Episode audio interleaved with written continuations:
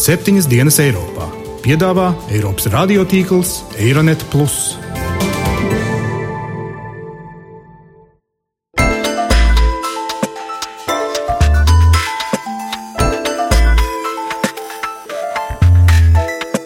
Šonadēļ septiņas dienas Eiropā dzirdēsim. Дело сознательно заводится в тупик. Runa ir par ekonomiku. Mistrāla Baltijas jūrā nebūs. Eiropas lielvaras domā kā nacionāls valstis. Mūsu karavīrs ir konkrēti spējīgs karavīrs.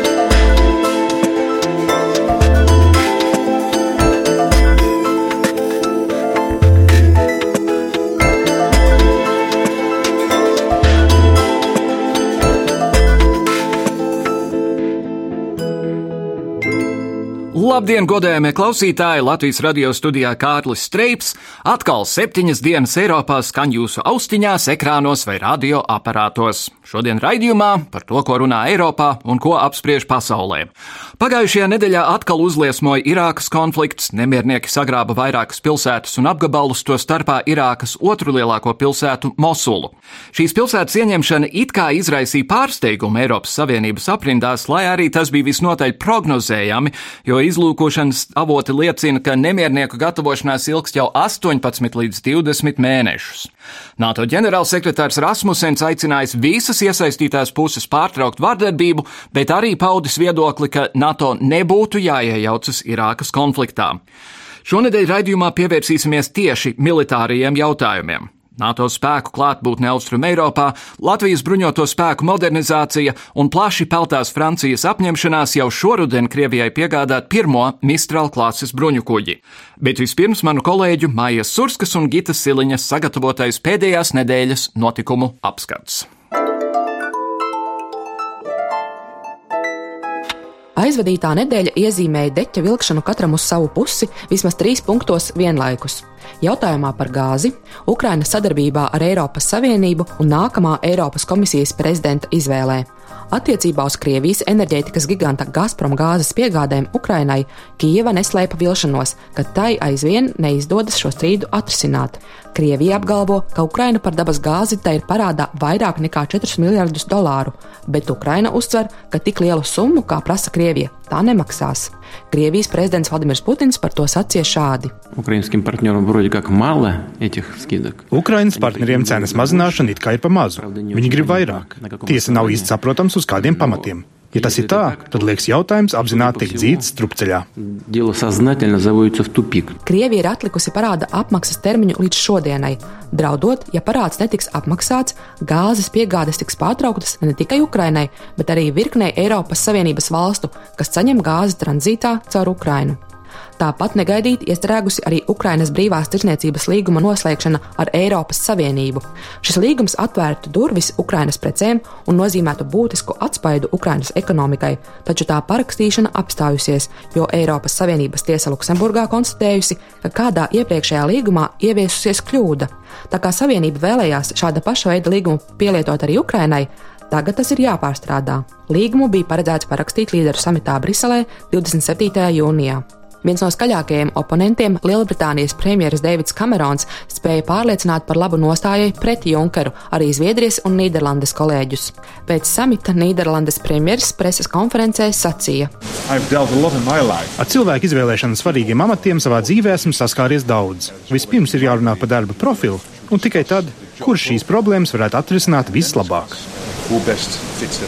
Ziņu aģentūra Reuters informē, ka Kamerons par labu savai nostājai centies noskaņot arī Itālijas premjeru Mateo Renci un viņa kolēģi no Ungārijas Viktoru Orbanu. Ar krāšņu ceremoniju FIFA pasaules kausa tika oficiāli atklāts ceturtdien. Pasākuma apmeklētāji gan pauda izbrīnu par daudzviet vēl notiekošajiem infrastruktūras pabeigšanas un iekārtošanās darbiem.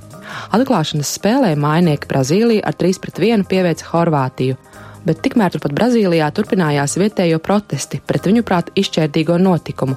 Rio de Janeiro lidostas darbinieki streikoja pieprasot piemaksas algām, bet San Paulo policija iztrankāja protestētājus ar asaru gāzi. - 2009. gada augustā Krievijas mēdīja ziņoja, ka Krievija plānojot nopirkt franču BPC 210 Mistral klases desantu uzbrukumu kuģi. Izdevums Defense Industry Daily raksta. Mistrāla klases kuģis var pārvadāt līdz 16 helikopteri, tostarp uzbrukuma helikopters. To galvenais trumps ir četras nolaišanās baržas, kuras spēj bruņumašīnas, tankus vai karavīrus ātri nogādāt krastā. Šīs klases kuģis ir aprīkots ar 69 gultu slimnīcu. Šīs klases kuģis ir aprīkots ar 69 gultu slimnīcu, un to var izmantot kā desanta vadības kuģi. Mistrāla klases kuģis ir svarīgs instruments varas tēla veidošanā, un Krievija ļoti vēlas šādu daudzpusīgu bruņojumu, pat ja kaimiņi baidās. Šis vairāk par vienu miljārdu eiro vērtais darījums ir lielākais, ko kāda NATO valsts ir noslēgusi ar Krieviju. Pirms trim gadiem, kad tika parakstīts līgums, Francijas amatpersonas pasniedza to kā zīmi, ka Maskava esot jāuztver kā partneris, nevis ienaidnieks. Tiesa, arī tad bija dzirdami NATO sabiedroto iebildumi, nemazums tāpēc, ka tajā brīdī Krievija jau bija okupējusi daļu Gruzijas, un pēcāk kāds armijas pārstāvis dižojās, ja jau toreiz būtu bijuši Mistral kuģi, process būtu prasījis vien dažas minūtes, ne dienas. Arī šodien, ņemot vērā Krievijas rīcību Ukrainā, kara kuģa pārdošana ir ļoti pretrunīga. Amerika ir ieteikusi Francijai apturēt līguma izpildi. Polija ir brīdinājusi, ka varētu atcelt lielu bruņojumu pasūtījumu Francijai. Vien Vācija, vismaz pat labāk, ir atbalstījusi Francijas vēlmi godāt noslēgto līgumu ar Krieviju. Pirmā Mistral klases kuģa piegāde ir paredzēta jau oktobrī. Par to manas kolēģis Gitas Siliņas gatavotajā sižetā.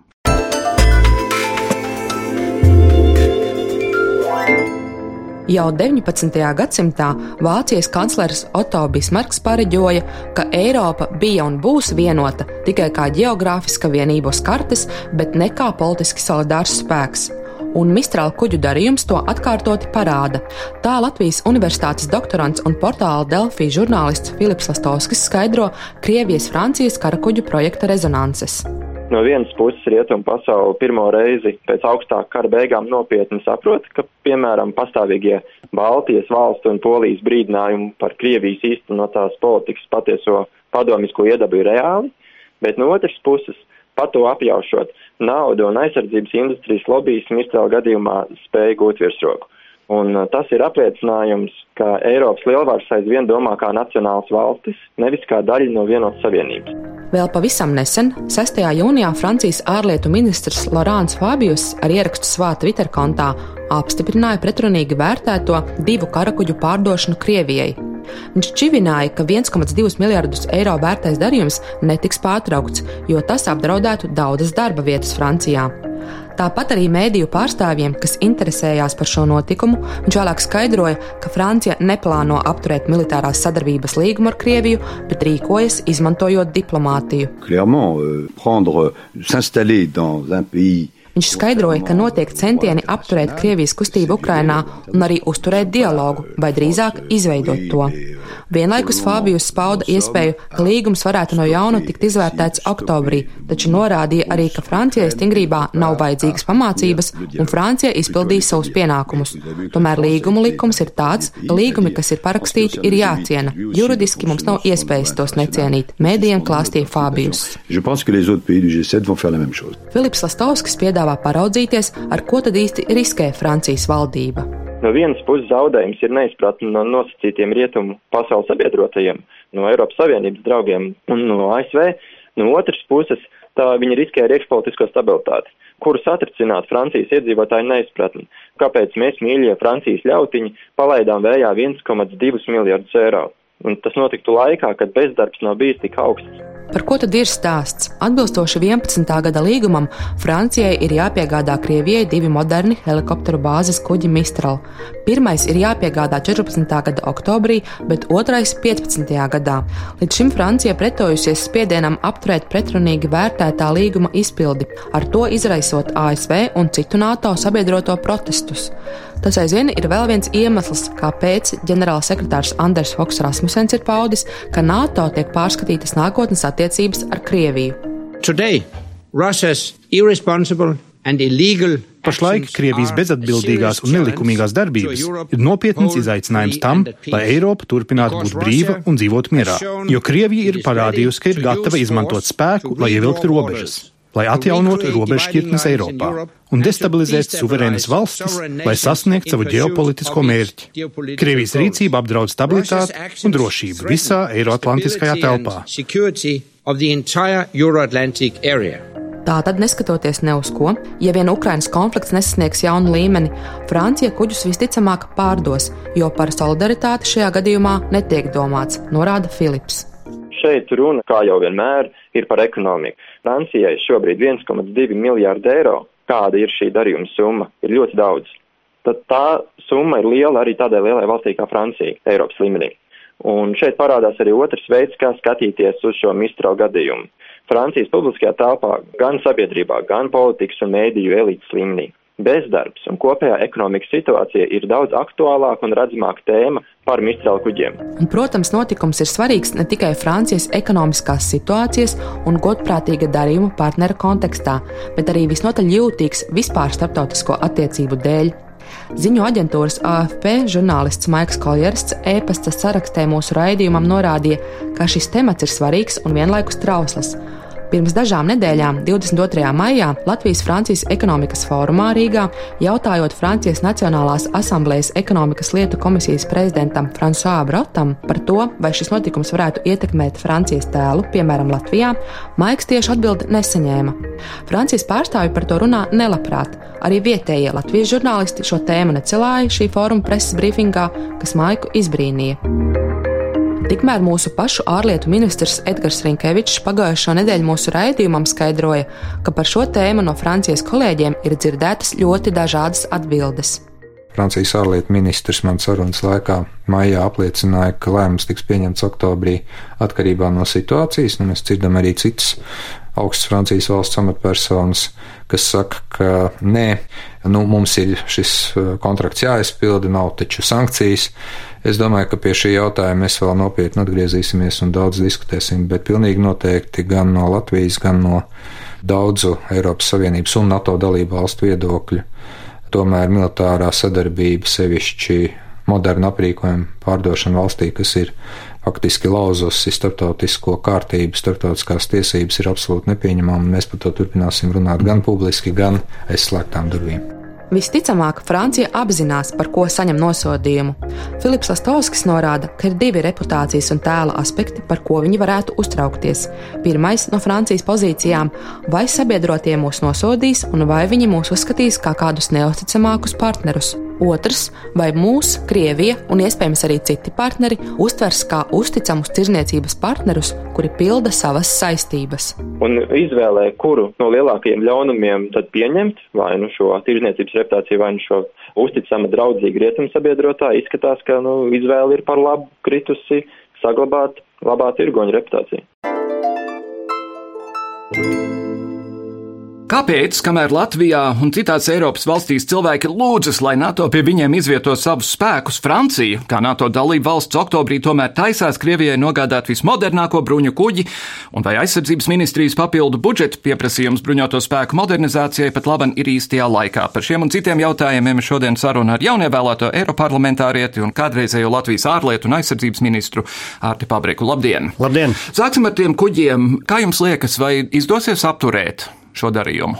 Viņš būtu jāaptur. Es varu runāt pagaidām vēlējuma izteiksmē, jo franču situācija, ja mēs gribam viņus saprast, tad tā franču situācija balstās uz to, ka viņiem jebkura ekonomiskā aktivitāte tiek uzskatīta par pozitīvu lietu.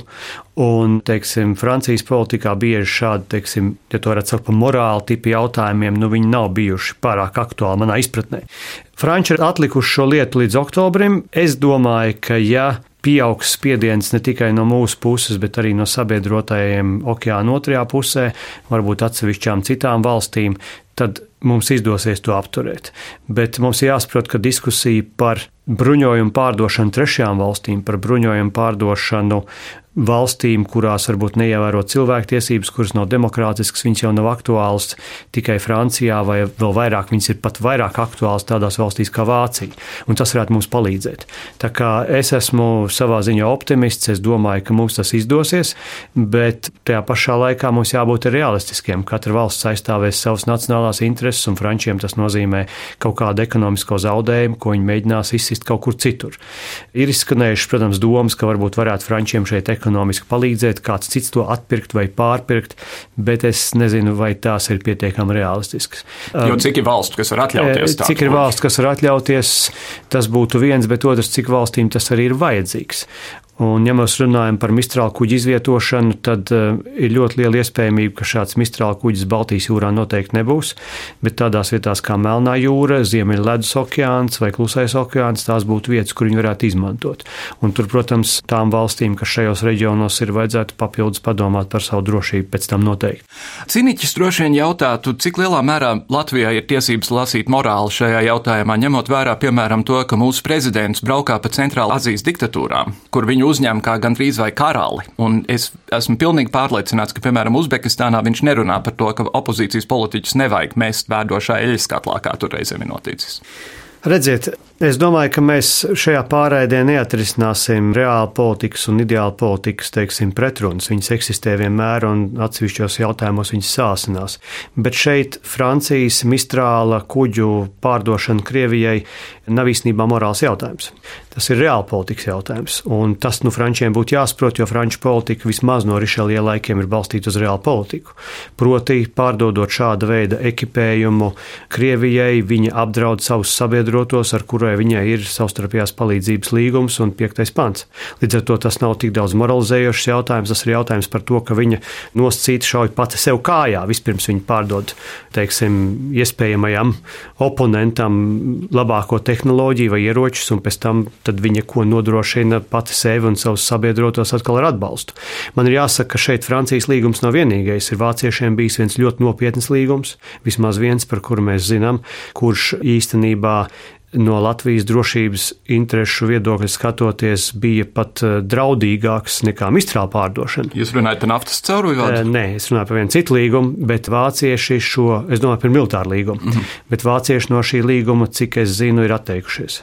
Līdz ar to vismaz tādā izpratnē vācieši to nav darījuši. Es domāju, ka mums izdosies pārliecināt, bet, protams, garantēt šeit neviens nevar. Cik var spriest, tas kuģis pats par sevi nav īpaši bīstams. Bīstams viņš ir tajā nozīmē, ka viņš var nesāt ļoti lielu skaitu helikopteru, un tas ir aktuāli, piemēram, mums, tāpēc, ka mums pat laba nav tehnikas, kuru zemu lidojošus objektus īsti pārtvert vai notvert. Jā, nu redziet, Krievijas zinātnieki ir ļoti izdomas bagāti bijuši vienmēr, bet kā man dažs labs kolēģis ir teicis vai eksperts, Krievijai ir vienmēr bijušas problēmas savu zinātni īstenot praksē un izdarīt no tās tādu masveida ražošanu. Un šeit šī paša mistrāla kuģa ražošana, viņa, teiksim, ekipēšana, tas Krievijai nav paspēkam. Un, protams, ka mistrāla kuģa pārdošana Krievijai nozīmē, ka mēs principā palīdzam viņai attīstīt virkni dažādu tehnoloģiju. Tas nav tikai pats kuģis, tas ir lietas, ar ko šis kuģis ir apgādāts. Otrs ir, protams, ka mistrāla kuģis tas ir aviobāzes kuģis pēc būtības, kurš atrodoties, pārvietojoties, viņš var ļoti nopietni mainīt spēku līdzsvaru. Latvijas gadījumā mums jau šāds nosacīts mistrāla kuģis pie mūsu robežām ir. Tā ir helikoptera bāze Ostravā, kas ir ļoti nopietns apdraudējums Baltijas drošībai, kas arī izmaina šo balansu. Un, principā, šāda bāze pie mūsu robežām ir apmēram tas pats, kas Mistrāla kuģis Rīgas jūras līcī. Tas ir tas, ko es iepriekš esmu teicis. Par mūsu aizsardzību. Nav tā, ka mēs nevarētu ar šīm lietām tikt galā. Mēs varam. Mums, protams, vajadzētu papildus ieguldījumus un gatavošanos tam, ja saima pieturēsies pie tiem solījumiem, kas ir iepriekš doti, ja valdība pieturēsies pie tiem solījumiem un pie vēstures vēsā un veselā saprāta, kam vajadzētu būt, tad es domāju, ka mēs spēsim savu aizsardzību diezgan ātri uzlabot. Un šajā kontekstā, protams, saimē jau prot pamatīgi staipīt gumiju, un vēl nav pieņemts tas likuma projekts, kurā ir konkrētāk paredzēts, ka mēs tagad to budžetu palielināsim. Un savukārt jūs pēcteicis amatā Vējoņkungs ir teicis, ka var jau to naudu mest tai armijai virsū bet armija to nevar ļoti ātri absorbēt. Kā jūs redzat, ja apstiprinās to likuma projektu, kas konkrēti uzlabosies, kas tiks pilnveidots, kas tiks pirkts, kas tiks attīstīts? Tā tad es domāju, ka es pietiekami labi pārzinu Latvijas bruņoto spēku un aizsardzības ministrijas absorpcijas spējas. Un konkrētajā gadījumā es nedomāju, ka Latvijas finanses un budžets 2015. gadā, tas ir nākošā gada budžetā, spētu aizsardzībai iedot reāli vairāk nekā, nu, teiksim tā, Latvijas armija spēj sagramot. Protams, ka ir svarīgi, lai mēs nedotu pārāk daudz naudas arī, jo nav nozīmes vienkārši mest tukšā maisā un šo naudu veltīgi iztērēt. Bet aizsardzības ministrijā ir pieņemts bruņoto spēku attīstības plāns nākošiem 10, 12 gadiem. Un pēc būtības ir samērā precīzi, es pat teiktu, pat detaļām zināms, kur naudu ieguldīt, kā viņu teiksim, izmantot un kādas spējas no tā mums palielināsies.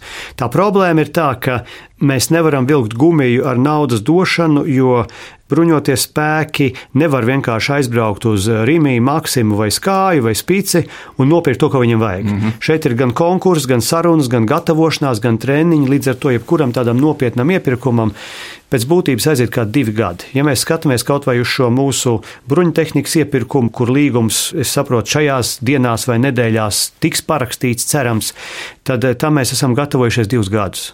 Un, eh, protams, ka tas bija arī budžetārs jautājums, bet principā mēs viņam gatavojāmies divus gadus. Es domāju, ka 2015. gadā ideālais variants būtu, un tas ir mūsu absorpcijas robežās, ka aizsardzības budžets būtu 1% no IKP. Tas, laikam, ja nemaldos, kaut kādos skaitļos būtu kaut kādi 30 miljoni eiro vairāk. Tas ir tas, ko mēs varam apgūt. Droši vien, ka vairāk uz šo momentu arī nevajag. Jautājums paceļās par 16, 17, 18 gadu, un tur, protams, tad, ja mēs zinām, vai teiksim, tā ja aizsardzības ministrija bruņotie spēki zina, ka šīs garantijas par budžetu būs, tad viņi spēja pienācīgi sagatavoties un būt gatavi arī šo naudu, teiksim, pareizi un efektīvi tērēt. Bet pēdējais vēl teikums, es domāju, ka aizsardzības ministrija lielā mērā ir nosacīti tuvu ideālam, ja par tādu politikā var runāt. Attiecībā par naudas plānošanu patreiz, jo krīzes laikā ir tik daudz lietas darīts, lai padarītu teiksim, šo lietu ne tikai caurspīdīgu, bet efektīvu, ka pārējās ministrijas, es teiktu, gan izglītības, gan veselības, gan pārējās viņas īstenībā varētu mācīties no šīs plānošanas. Šī militārā plānošana īstenībā ir tuvu daudz maz ideālam variantam, kāds nu vispār valsts pārvaldē, manuprāt, var pastāvēt. Kā ministrijai un bruņotiem spēkiem iet ar personāla resursiem. Mēs nu pat esam dzirdējuši, ka no Latvijas ir tik daudz cilvēku aizbraukuši, ka tagad mums ir mazāk nekā 2 miljoni cilvēku, un tie jau lielā mērā ir jauni cilvēki, kas teorētiski varētu arī būt zaldāti. Tas ir potenciāls drauds, un šeit drauds ir no divām pusēm. Viens ir, protams, mūsu demogrāfija. Jo demogrāfijai pasliktinoties, vienkārši tas apjoms, no kā izvēlēties veselīgus, spēcīgus un gudrus karavīrus, kādi mums ir vajadzīgi, nu, viņš ir mazāks. Otra lieta ir, protams, jautājums par sociālajām garantijām, jautājums par algām un jautājums ir par armijas konkurētspēju. Un krīzes gados, protams, armija daudz arī zaudējusi. 50% no budžeta mēs zaudējām, un tas arī bija lielā mērā uz cilvēku nodrošinājumu rēķina. Un, protams, ka karavīri un zemesargi jāuzsver, un arī jaunsargi, viņi jau gaida šīs garantijas. Un, ja viņi redz, ka no vienas puses sājuma un politiķi mēs, jā, mēs solam, bet mēs to nepildām, viņi, protams, meklē kaut kur citur, vai nu privātajos dienestos, vai ārzemēs, kur arī šāda veida ekspertiem, kas ir piedalījušies dažādās pasaules krīzēs, gan Irākā, gan Afganistānā, viņiem ir noiets, viņus ļoti labi ņem, viņus ciena, jo mūsu karavīrs ir ļoti konkrēti spējīgs karavīrs. Tā kā mums būtu pareizi tomēr daļu arī no šiem papildus līdzekļiem ieguldīt tieši sociālajās karavīru vajadzībās, lai viņi redz, ka šeit viņiem ir perspektīva. Un par zemesardzi runājot, piemēram, viens joprojām arī neatrisināts jautājums ir tas, kur Amerika mums ir priekšā. Ja? Ka, ja zemesargs iet projām no savu darbu un iet uz treniņiem vai uz mācībām, tad eh, viņam ir grūti to savienot ar eh, savu darbu pie privātā uzņēmēja. Un šeit valstī jānāk ar kompensācijām. Ir jāgarantē, ka tas uzņēmējs no tā necieš, tas ir atbalsts ekonomikai, un jāgarantē, ka šis cilvēks, šis zemesargs, var tās desmit vai cik tur tās dienas ir vajadzīgas gadā pavadīt tiešām nodarbībās, jo citādi tam nav nozīme. Ja runājam par NATO klātbūtni mūsu valstī, tagad te ir jau diezgan liels skaits zaudētu, kas lēkā no lidmašīnām un ar visādām lietām nodarbojas. Viena saruna bijusi par to, ka tad, kad NATO sāk uzņemt jaunās dalību valsts, valstis tika Krievijai apsolīts, ka nekāda īsta NATO klātbūtne šajā pusē nebūs. Vai jūsuprāt par to tagad var aizmirst, ņemot vērā to, piemēram, ka Krievija savulaik parakstīja līgumu par Ukrainas nedalāmību? Krievija par to atgādina un turpinās atgādināt, ka viņa ir sapratusi, ka ir šī vienošanās par to, ka NATO citu valstu klātbūtne šeit, Baltijas reģionā, nav. Tajā pašā laikā pirmais tas ir jautājums, kā mēs interpretējam definīcijas, ko nozīmē klātbūtne. Mēs šeit nerunājam par lielām kara bāzēm, kādas ir teiksim, Vācijā vai kaut kur citur no NATO valstu puses. Otrām kārtām arguments arī tomēr nu, ģeopolitiskā situācija mainās. Un e, Krievijas uzvedība patreiz ir daudz citādāka nekā viņa bija pirms 20 gadiem. Un tas balanss Baltijas reģionā ir ļoti asimetrisks par labu tieši Krievijas militāriem spēkiem. Un tas, ko Krievija dara patreiz, ja mēs redzam, pēc tam, ka Latvija un Baltijas valsts ir saņēmušas, es teiktu, samērā nelielu citu valstu klātbūtni, šie 150 eh, ASV karavīri, pāris kuģi, teiksim, vairāk lidmašīnas, tas, ko Krievija dara, viņi cenšas intensificēt diezgan tādā agresīvā un redzamā veidā savu klātbūtni pie mūsu robežām ar papildus lidojumiem, vēl daudz vairāk nekā iepriekšējos divos gados. Pat pie Kalifornijas krastiem ir Krievijas lidmašīnas parādījušās. Jā, ne, ne, tā ir strateģiska lieta, tas ir iepriekš noticis, bet Baltijā viņi cenšas patreiz parādīt, ka, lūk, tas, ka jūs šeit vairāk nostiprināties, īstenībā palielina spriedzi reģionā. Un viņi cer, ka tas atradīs dzirdīgas acis, teiksim, kontinentālajā Eiropā vai kaut kur citur, kur valsts teiks, nu redziet, mēs nevaram vairāk papildus spēkus nosūtīt uz Baltiju, jo tagad, redziet, Krievi ir palikuši vēl aktīvāki, viņiem tas nepatīk, ja mēs nosūtīsim vēl kādu, viņi būs vēl aktīvāki. Mēs taču negribam papildus spriedzi. Un, protams, ka Nu, mums tīri iekšpolitiski Eiropas Savienībā un NATO ir jātiek ar šādu veidu domāšanu galā par to, ka šeit būs lielāka NATO klātbūtne nekā tas bija pirms diviem gadiem, es esmu samērā pārliecināts. Bet es neesmu pārliecināts, cik liela un cik efektīva viņi būs. Un par to mums ir jāturpina ļoti nopietni cīnīties. Tādēļ, piemēram, tāda izteikuma, kā nāk no atsevišķiem Latvijas mēriem laiku pa laikam vai citur, nu viņi īstenībā traucē Latvijas politikai realizēt šo mērķi. -hmm. Vai no tiem, kas pat labāk šeit ir, ir kaut kāds īpašs labums, izņemot to, ka tas ir tāds morāli spēcinošs fakts, ka viņi te atrodas pat labam Latvijā? Ar ko viņi vispār nodarbojas? Nu, viņi nodarbojas ar to, ko viņiem jānodarbojās. Viņi trenējās, patreiz pat ir nodarbības vai manevri, nu, sauksim to tā par mācībām Sabre Strike. Un man nu pat bija iespēja tieši pirms šīs pārraides runāt ar vienu ārvalstu pārstāvi, Šis cilvēks bija arī ādažos, runāja ar saviem karavīriem, prasīja, nu, kā tad iet, kā jums šeit patīk. Un viņš saka, ziniet, ļoti interesanti, jo mēs nekad neesam šajās mācībās redzējuši dažādu tipu pretiniekus, jo parasti viņi trenējas savā starpā, un viņi zina, ko sagaidīt no pretinieka. Uh mhm. -huh. Un šeit pēkšņi pretī vienu dienu ir Igauni, otru dienu ir Latvieši, trešo dienu ir Lietuvieši. Līdz ar to tiem cilvēkiem, kas šeit piedalās, ir ļoti interesanti. Viņi spēja uzlabot savu kvalifikāciju, gan amerikāņi, gan briti, gan pārējie. Un arī mums tas ir, jo mūsu kvalifikācijas iespējas pieaug. Un, ja mēs gribam kaut kur, kādā operācijā piedalīties kopā, tad mēs iemācāmies ar šiem cilvēkiem kopīgi strādāt. Mēs zinām, ko no viņa var sagaidīt krīzes situācijā. Vai pat labi jūs ieteiktu jauniešiem, kas klausās mūsu raidījumu, domāt par karjeru bruņotajos spēkos? Kāpēc nē? Teiksim tā, es ieteiktu vispirms neizķiņķilēt savu jaunību, bet ieteikties arī tādās organizācijās kā Jaunsargi. Tas dod pamatiemaņas, pamatinformāciju par to, ko nozīmē zemesardze, par to, ko nozīmē aizsardzība, bruņoties spēki, un pēc tam jau cilvēks var izvēlēties.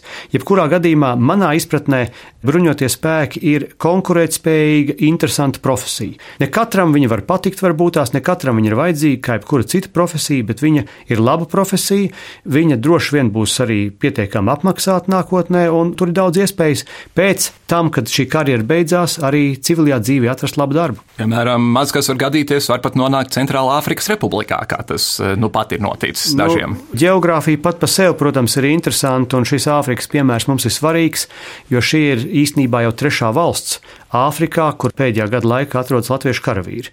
Par pirmo varbūt ir mazāk zināms, bet mūsu eksperti kopā ar amerikāņiem no Mičiganas Nacionālās gvardes apmāca Liberijas armiju. Tā bija mūsu pirmā pieredze. Otrā pieredze ir Malija ar Eiropas Savienību un tagad Centrālā Āfrika.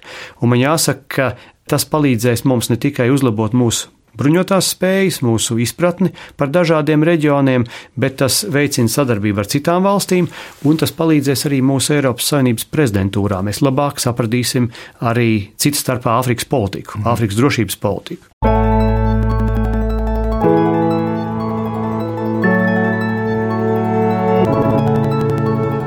Un tradicionāli mūsu pēdējais jautājums visiem viesiem ir, kas jūsuprāt nākamajā nedēļā būs tāds, kam būs īpaši jāpievērš uzmanība? Tas tā valstiski vai tā Nu, valstiski vai starptautiski, vai varbūt pastāstiet, kā jūs pat labi gatavojaties kļūt par Eiroparlamentārieti?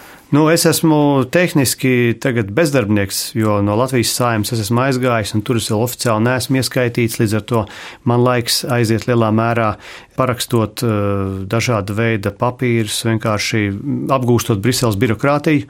Un privāti man jāsaka, man nākošais nedēļa ir divu dienu karatē seminārs, kurā es piedalos. Tas man patreiz visvairāk nomoc pirms sākās darbs Briselē. Bezdarbniekos esat pieteicies? Nu, nē, īstenībā man ir vēl slodzi universitātē, līdz ar to es nekvalificējos kā bezdarbnieks. Skaidrs. Bet politikā esmu bezdarbnieks. Artis Pabriks, sirsnīgs paldies par sarunu. Paldies!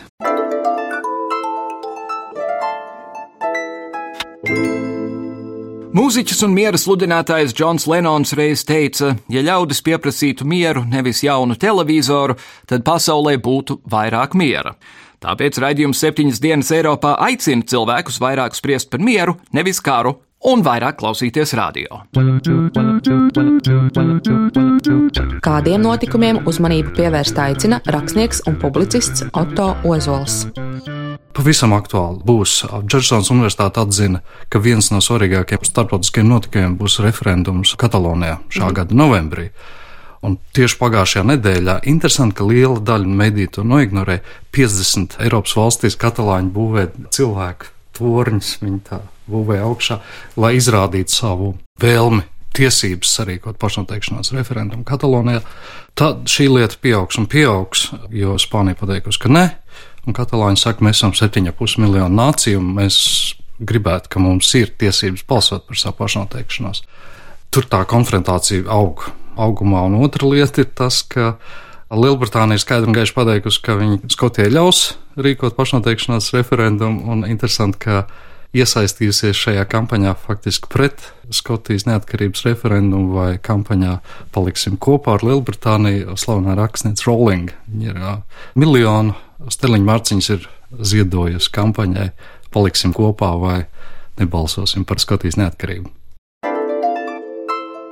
thank you Ar visu lielo vēlmi pēc miera, kā teica Džons Lenons, mums tomēr ir jāatceras, ka mūsdienās, dāmas un kungi, mēs dzīvojam diezgan bīstamā pasaulē, un tāpēc cerēsim, ka tos kuģus tomēr Francija Krievijai nepārdos, un klausīsimies visi tajā, ko teica Artis Pabriks. Mūsu bruņotajos spēkos ir iespējama laba karjera, un tas ir ļoti lielisks veids, kā demonstrēt savu patriotismu.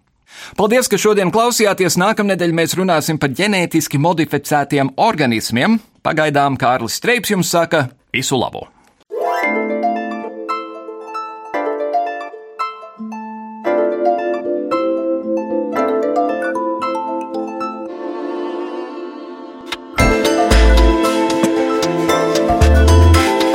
Raidījumu veido Kārlis Streips, Gita Siliņa un Jānis Krops. Producents Lukas Rozītis.